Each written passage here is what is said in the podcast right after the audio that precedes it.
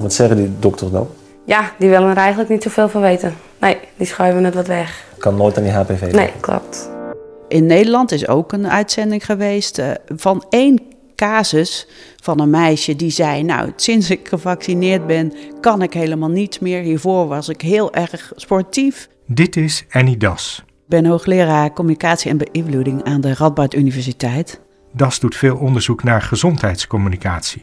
Ik zit er al zeven jaar mee, met allerlei klachten.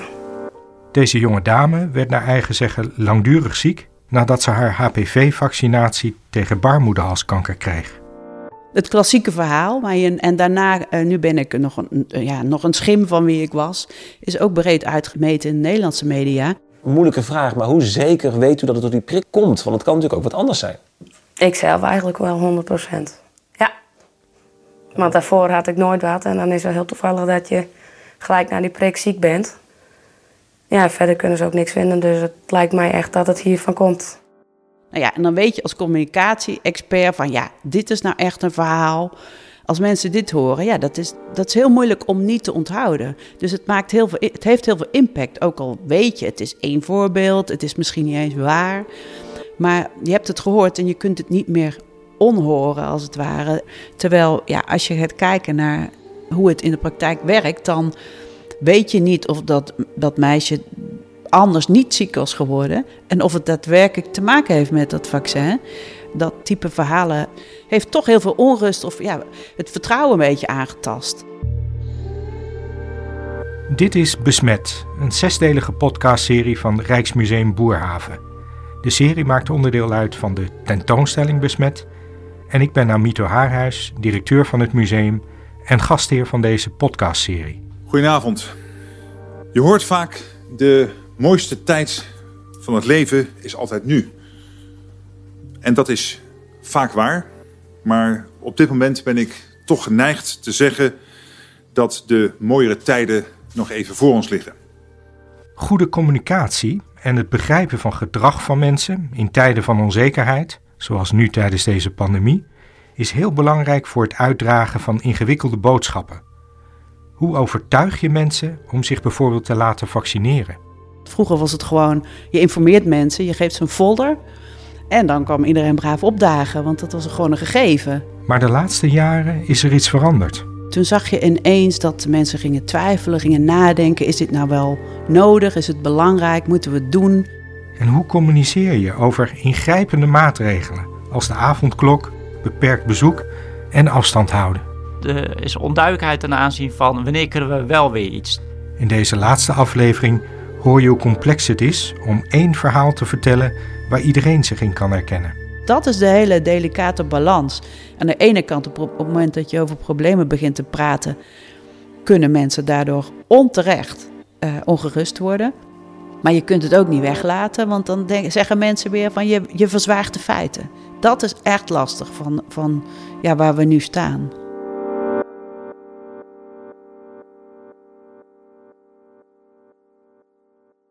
We beginnen met Pepijn van Empelen.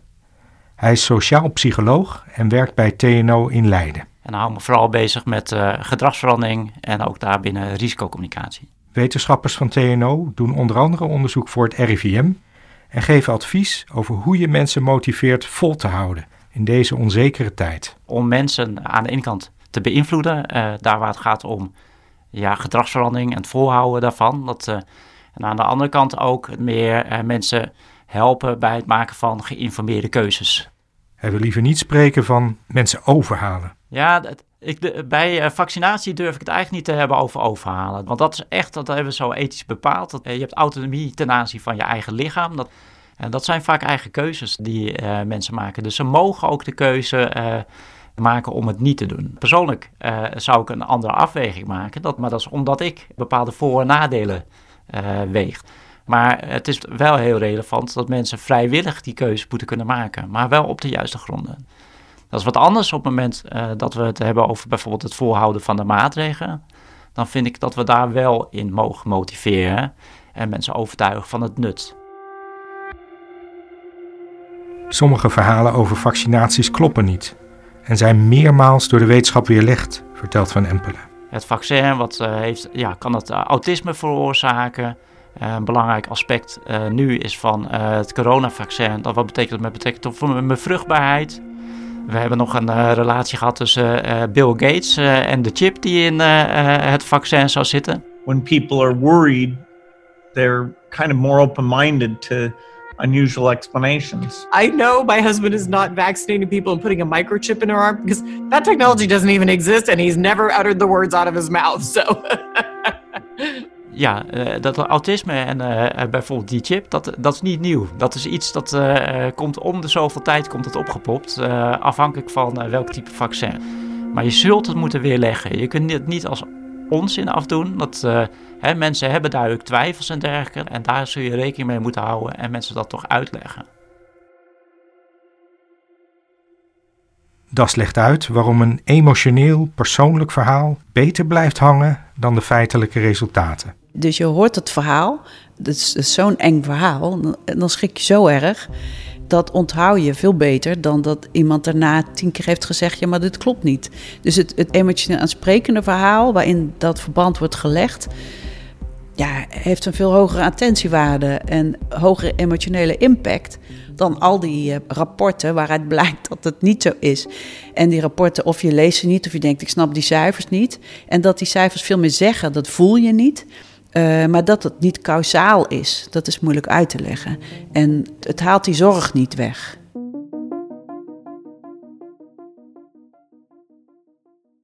De vaccinatiegraad voor kinderziektes was in Nederland jarenlang rond de 90 procent. En eigenlijk hebben mensen dat gewoon gedaan zonder daar heel goed over na te denken.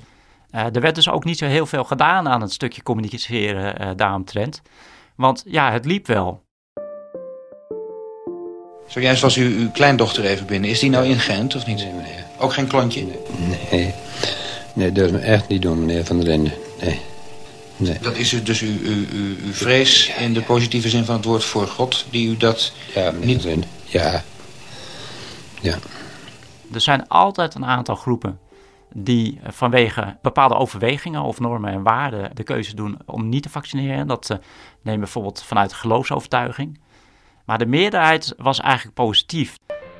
Dat was gewoon een, een, een soort feit, hè, gegeven van iedereen doet dat, dat doe je gewoon. Baby's in Nederland krijgen een inentingsboekje waarin al hun vaccinaties geregistreerd worden. Hiermee wordt onnoemelijk veel bereikt voor de volksgezondheid. En met name kinderverlamming, tetanus, kinkhoest en difterie zijn zeer ver teruggedrongen dankzij een programma van vaccinering dat ongeveer 90% van de bevolking bereikt. Vaccinatie is heel lang een, ja, eigenlijk met de opkomst van de medische wetenschap, ja, het grootste goed wat we hadden zo'n beetje geweest. Hè. En dat was een fantastische ja, vooruitgang dat we daar ineens een vaccin tegen hadden. En dat we dat ook nog zomaar toegediend konden krijgen, dat de overheid dat faciliteerde. Dat, dat is eigenlijk heel lang het, het verhaal geweest van de vooruitgang. Dus dat hoefde je niet te verkopen. Dat was een soort cadeautje als het ware dat we dat kregen. Maar de aanpak van communicatie over vaccinatie is de afgelopen 15 jaar rigoureus veranderd. Het kantelpunt ligt bij HPV, een virus dat soms kan leiden tot baarmoederhalskanker. Vind je spannend? Ja, een beetje. Nou, het is zo voorbij hoor. Drie prikken in een half jaar tijd moeten deze jonge meisjes op latere leeftijd beschermen tegen baarmoederhalskanker. Het is alweer voorbij. Sinds 2009 zit de prik in het Rijksvaccinatieprogramma. Bij de introductie van de HPV-vaccinatiecampagne worden meisjes van 12 en 13 opgeroepen. Dus ten opzichte van de vaccinatie van kinderen, hè, dus uh, die, die standaard prikken, was dit een ander probleem, omdat het ging om uh, seksueel overdraagbaar uh, risico, HPV. En dan voel je als communicatiespecialist al meteen van, hmm, het is een, is een ontvlambaar topic. Dus dat was anders. HPV is seksueel overdraagbaar en verspreidt zich niet door de lucht, zoals bij corona. Dus dat maakt ook dat mensen het gevoel hebben dat ze er best wel zelf controle over hebben. Dus als jij een beetje veilig vrijheid of je zegt tegen je dochters van dat doe je nu toch nog niet of noem maar op. Dat je voelt dat je er controle over hebt. Dus dan gaan mensen ook sneller nadenken, is het wel nodig? je kunt ook uh, op andere manieren voorkomen. En dat heeft een beetje, ja, de, de, dat was het begin van die kentering. Terwijl met dat vaccin verder bijzonder weinig uh, mis was. Toch gaan steeds meer mensen twijfelen, vertelt Das. Is het belangrijk? Moeten we het doen? Kwamen berichten op over mogelijke bijwerkingen. Maar dat, dat was toch wel echt sociale media ge, ge, ge, gestimuleerd. Omdat die, die enge verhalen, bij- ja, eigenlijk allemaal niet waar, maar die kwamen allemaal via YouTube of via ja, andere sociale media. Ja, en, en daardoor is heel veel veranderd en is ineens ook aandacht gekomen voor hoe moet je er eigenlijk over communiceren. Want vroeger was het gewoon, je informeert mensen, je geeft ze een folder. En dan zeg je, je moet zo laat daar en daar zijn. En dan kwam iedereen braaf opdagen, want dat was gewoon een gegeven. En nu moet je ineens gaan praten over, eh, ja, is het nodig, et cetera. Dus dat is echt nieuw. Er is nog meer veranderd, zegt Van Empelen. De overheid communiceerde nog veel via traditioneel kanalen. De eh, nieuwsbladen, eh, de tv en dergelijke. Terwijl je ook de rol van de sociale media steeds meer ziet opkomen. En voor het eerst dat daarover werd nagedacht, dat is wel echt nieuw sinds de laatste jaren. Om een hoge vaccinatiegraad te bereiken en huidige coronamaatregelen vol te houden, ontwikkelen wetenschappers van TNO zogenoemde interventies. In dit geval materiaal, hè? dus we hebben of een video gemaakt of we hebben zo'n eh, als-dan lijstje hebben gemaakt. En die hebben we eh, via online experimenten hebben die eigenlijk getoetst. Dus we hebben eh, door middel van sociale media hebben we mensen gevraagd om mee te doen. En vervolgens zijn we gaan kijken van, draagt het nou bij dat mensen op een andere manier eigenlijk gaan kijken naar corona-risico? Zijn ze meer gemotiveerd? En kunnen we in termen van het gedrag zien? Dus we zijn ze daarna nog een keer gaan bevragen. Rapporteren ze dan ook inderdaad dat ze beter in staat zijn om het gedrag vol te houden? Dat zijn kleinschalige pilots die we eigenlijk gebruiken om dan uh, verder te adviseren over wat je kunt doen. Uh, bijvoorbeeld uh, richting het RIVM. De vaccinatiebereidheid voor corona in Nederland is in februari 2021 rond de 85 procent. Je ziet nu dat sinds nou, december een behoorlijke meerderheid is die eigenlijk bereid is om het vaccin te nemen. Dat de tendens er weer een beetje dreigt te ontstaan van niks zeggen, dan uh, ja, gaat het misschien vanzelf. Maar dat is denk ik niet heel verstandig. Een belangrijk voorbeeld was daarbinnen dus HPV, waarbij de tendens was van neem de prik. Het was vooral het uitnodigen tot het nemen van de prik, zonder eigenlijk goed rekening te houden met ja, hoe kijken mensen nou eigenlijk tegen het vaccin aan. En je ziet eigenlijk ook bij HPV, en je ziet het nu eigenlijk bij de coronavaccins ook, is dat mensen bepaalde zorgen en twijfels eigenlijk hebben. En de zorgen en twijfels die zitten vooral in veiligheid, effectiviteit op de korte en de lange termijn eh, en de bijwerkingen op de korte en de lange termijn.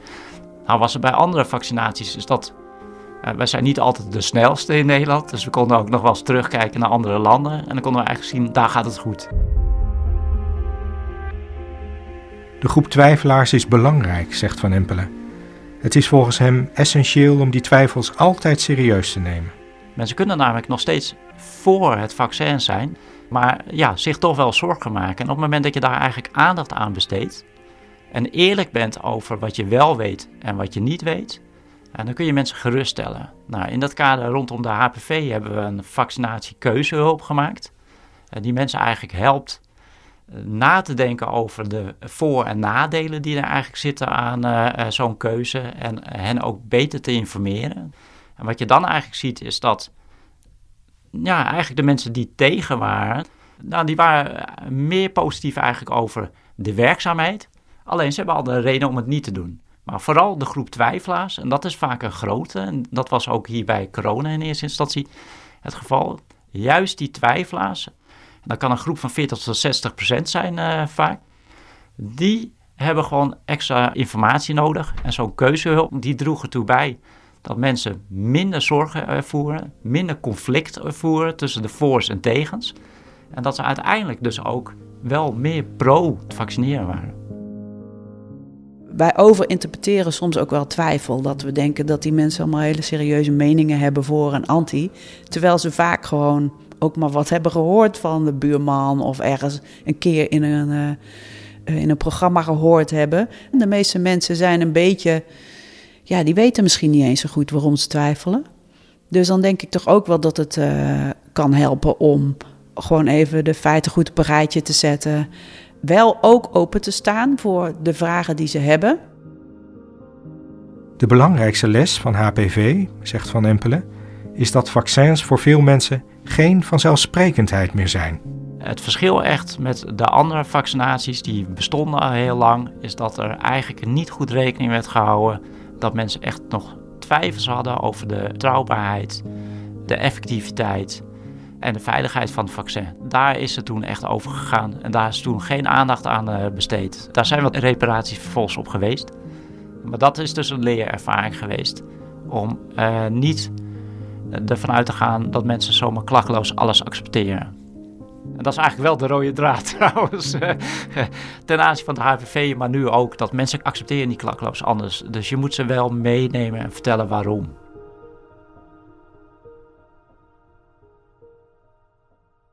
We hebben het vooral over de persoonlijke afweging gehad, maar groepsdruk speelt ook een rol. Zowel ten aanzien van nu, eh, vaccineer je wel of niet, maar ook het volhouden van de maatregelen, is dat we toch ook meer eh, aandacht moeten hebben van groepsnormen. Wat is voorbeeldgedrag van anderen? Hè? Neem aan de jongeren en de influencers daarbinnen. Dat, en dat kan zowel positief zijn als schade berokkenen. Dat hebben we, oh, daar hebben we ook voorbeelden van gezien. Alleen samen krijgen wij de overheid onder controle. Ik doe niet meer mee. Free people. Dat Femke Louise uiteindelijk bijvoorbeeld eh, op basis van eigen gronden en in gesprek met Gommers op een andere manier is gaan nadenken. Ja, dat is een heel positief iets. Maar iemand iets laten prediken en betaald, dat is meestal niet zo heel handig. En daar hebben we hele goede voorbeelden ook van eh, vanuit de historie. eh, dat beroemde figuren iets roepen. Zo zijn er beroemde figuren geweest over van gebruik geen drugs. En die vervolgens aan een overdosis overlijden. Dat zijn meestal niet de goede voorbeelden. We hechten er waarde aan wat mensen in onze naaste omgeving vertellen, zegt Van Empelen. Denk aan de huisarts of een docent. Maar ook wat vrienden vinden is belangrijk. Ja, het argument wat ze hebben is misschien eh, eh, niet zo sterk, maar het feit dat zij het zeggen maakt het voor jou toch een relevant argument. Dus je hebt een aantal mensen die zijn geloofwaardig en daar eh, vertrouw je op. Nou, op het moment dat je eigenlijk iets predikt en iets anders doet, eh, dan ondermijnt dat totaal de geloofwaardigheid. Ja, en dat zorgt er eigenlijk voor dat mensen dan juist tegen, eh, nou ja, behalve dat ze boos worden, dat, eh, dat ze denken van, eh, voor jou geldt het bijvoorbeeld niet. En waarom zou ik het dan doen, die discussie? Voorzitter, tijdens mijn huwelijk is het misgegaan met de naleving van de coronamaatregelen. Ik uh, doelde op Grappenhaus, ja. Want je kunt niet het ene prediken en dat het voor jezelf uiteindelijk eh, niet opgaat. Ik heb daarover mijn spijt betuigd. En dat doe ik vandaag aan de leden van uw Kamer opnieuw. Tot op de dag van vandaag heeft dat volgens mij nog steeds effecten. eh, dus ja, niet handig. De overheid zit nu met corona in een lastig pakket, zegt Van Empelen. Ze hebben een beetje een dubbelrol. Hè? Aan de ene kant is het zo dat ze graag willen dat mensen voor een vaccin kiezen. En dat is één campagne die gaande is. En ze proberen mensen objectief te informeren. Maar ja, als afzender, het RVM of de overheid zelf, ja, dat kent wel een bepaald label. Het is en het kanaal en het is de afzender eigenlijk, om zo te zeggen. Dat, eh, dus de afzender wordt niet altijd vertrouwd. Er wordt ook door bepaalde groepen ervaren dat het onvolledig is. En je ziet her en der wel alternatieve feiten eigenlijk eh, oppoppen. En daar zul je iets mee moeten, dat kun je niet negeren. We denken ook steeds van ja, we hebben, we hebben dat een keer verteld. En mensen hebben dat toen gehoord, maar zo werkt het helemaal niet. Want heel veel mensen die. Ja, we overschatten heel erg de aandacht die mensen hebben voor al dat nieuws. De meeste mensen tunen toch uit of krijgen het maar half mee. Dus ik denk dat je heel veel van die dingen, van die context van die ontwikkeling van het vaccin, moet je echt goed herhalen. Zorgen dat die twijfels worden weggenomen. Dus heel duidelijk uitleggen dat heeft hier, hier en hier mee te maken dat het nu sneller op de markt komt. Van Empelen vindt dat er te weinig aandacht is voor de sociaal-emotionele kant van deze crisis. Daar beginnen mensen nu heel duidelijk last van te krijgen. Dat, uh, dat daar echt een, uh, een, nieuwe tendens is ontstaan. Dat mensen er eigenlijk wel uh, genoeg van hebben. Eigenlijk collectief hoor. Dat, dus de meeste mensen houden zich gewoon aan de maatregelen. Maar collectief is er wel wat veranderd. En dan willen we gewoon uitzicht hebben. En snappen eigenlijk wanneer kunnen we wel weer wat. Wanneer kunnen we naar een terrasje. Wanneer kunnen we weer op vakantie. De focus van het kabinet verandert nog wel eens, is Das opgevallen. Een beetje een moving target geworden, als het ware. Hè? Van, uh, oh, hè, we, oh nee, we gaan nu dit doen, oh, we gaan dat doen. Dat mensen, uh, als je dat bij dieren doet, dat de waarheid de hele tijd verandert. Dat noemen we dan learned helplessness. Hè? Dat ze niet meer weten wat ze kunnen doen om ergens uit te komen of uit een hokje te komen of om eten te krijgen. Als je de hele tijd de werkelijkheid verandert, het is weliswaar waar. Hè? Dus het, die werkelijkheid is gebaseerd op epidemiologische feiten. Die zijn allemaal zorgvuldig gecheckt, dus dat is heel goed. Maar het is veel te moeilijk voor de mensen. Dus die, kunnen dat, die hebben toch een soort ja, uh, een, een, hoger of een groter doel nodig waar ze naartoe moeten kunnen bewegen. Hè? Van uh, waar doen we het uh, met z'n allen voor? Ook de vaccinatiestrategie is een paar keer aangepast, vertelt Van Empelen. Waarbij de een ineens voorrang krijgt in het vaccinatieproces boven anderen. Er vindt een soort willekeur eigenlijk plaats. En dat is in transparantie van communiceren niet heel helder. Dus je wil een simpele boodschap die voor mensen te begrijpen is. Maar je moet ook helder maken, wat levert het nou op? En juist bij jongeren, jongvolwassenen bijvoorbeeld, gaat het over dat ze meer sociale vrijheid krijgen. Dat ze mentaal eigenlijk op dit moment belast zijn en dat ze daarvoor de bepaalde dingen nodig hebben. Dus dit uitzicht, dat is ook weer heel belangrijk. En dat is precies waar op dit moment vraag naar is, van geef perspectief. Het is logisch dat we het zat zijn. En het is alleen maar menselijk dat we het leven met zoveel beperkingen en met de finish in zicht steeds zwaarder gaan vinden. Maar de feiten zijn dat niet meer dan ongeveer de helft van de mensen nog thuis blijft bij klachten en zich laat testen. Ja, ik denk wat mist is, is de inspiratie. Het is allemaal, ik vind het allemaal erg op de feiten gebaseerd, heel droog. Minder dan de helft zegt nog heel vaak de handen te wassen. En de anderhalve meter wordt ook steeds moeilijker. Ja, in een ideale wereld zou je een boodschap creëren waar alle Nederlanders zich, zich mee kunnen verbinden. Van ja, oké, dit is waar we het voor doen. Ja, inderdaad. En je kunt niet in de toekomst kijken. Je kunt niet zeggen, ik beloof je dit en ik kan ik garanderen dat, dat het zo is. Maar wel een toekomstperspectief. Een duidelijk toekomstperspectief voor de Nederlanders. Ja, waar werken we naartoe? Dus ik denk wel dat het tijdstip is aangebroken om, om wat breder te gaan communiceren. En dan ik weet dat volgens mij houdt Rutte er helemaal niet van, van uh, I have a dream-achtige boodschappen. Maar ik denk wel dat het nodig is om, om mensen een beetje op te tillen van waar gaan we naartoe. Dit was de laatste aflevering van onze zesdelige podcastserie bij de tentoonstelling Besmet. We hadden het over uitbraken van besmettelijke ziekten vroeger en nu en hoe die het leven kunnen ontwrichten. Het resultaat ligt er. Een podcast vol persoonlijke en wetenschappelijke verhalen. Dank voor het luisteren. En vergeet niet om deze podcast te beoordelen. Doe ons een plezier en klik op 5 sterretjes in Apple Podcast. En je kunt daar natuurlijk ook een reactie achterlaten. Meer informatie over de tentoonstelling Besmet vind je op onze website rijksmuseumboerhaven.nl. Tot ziens in het museum.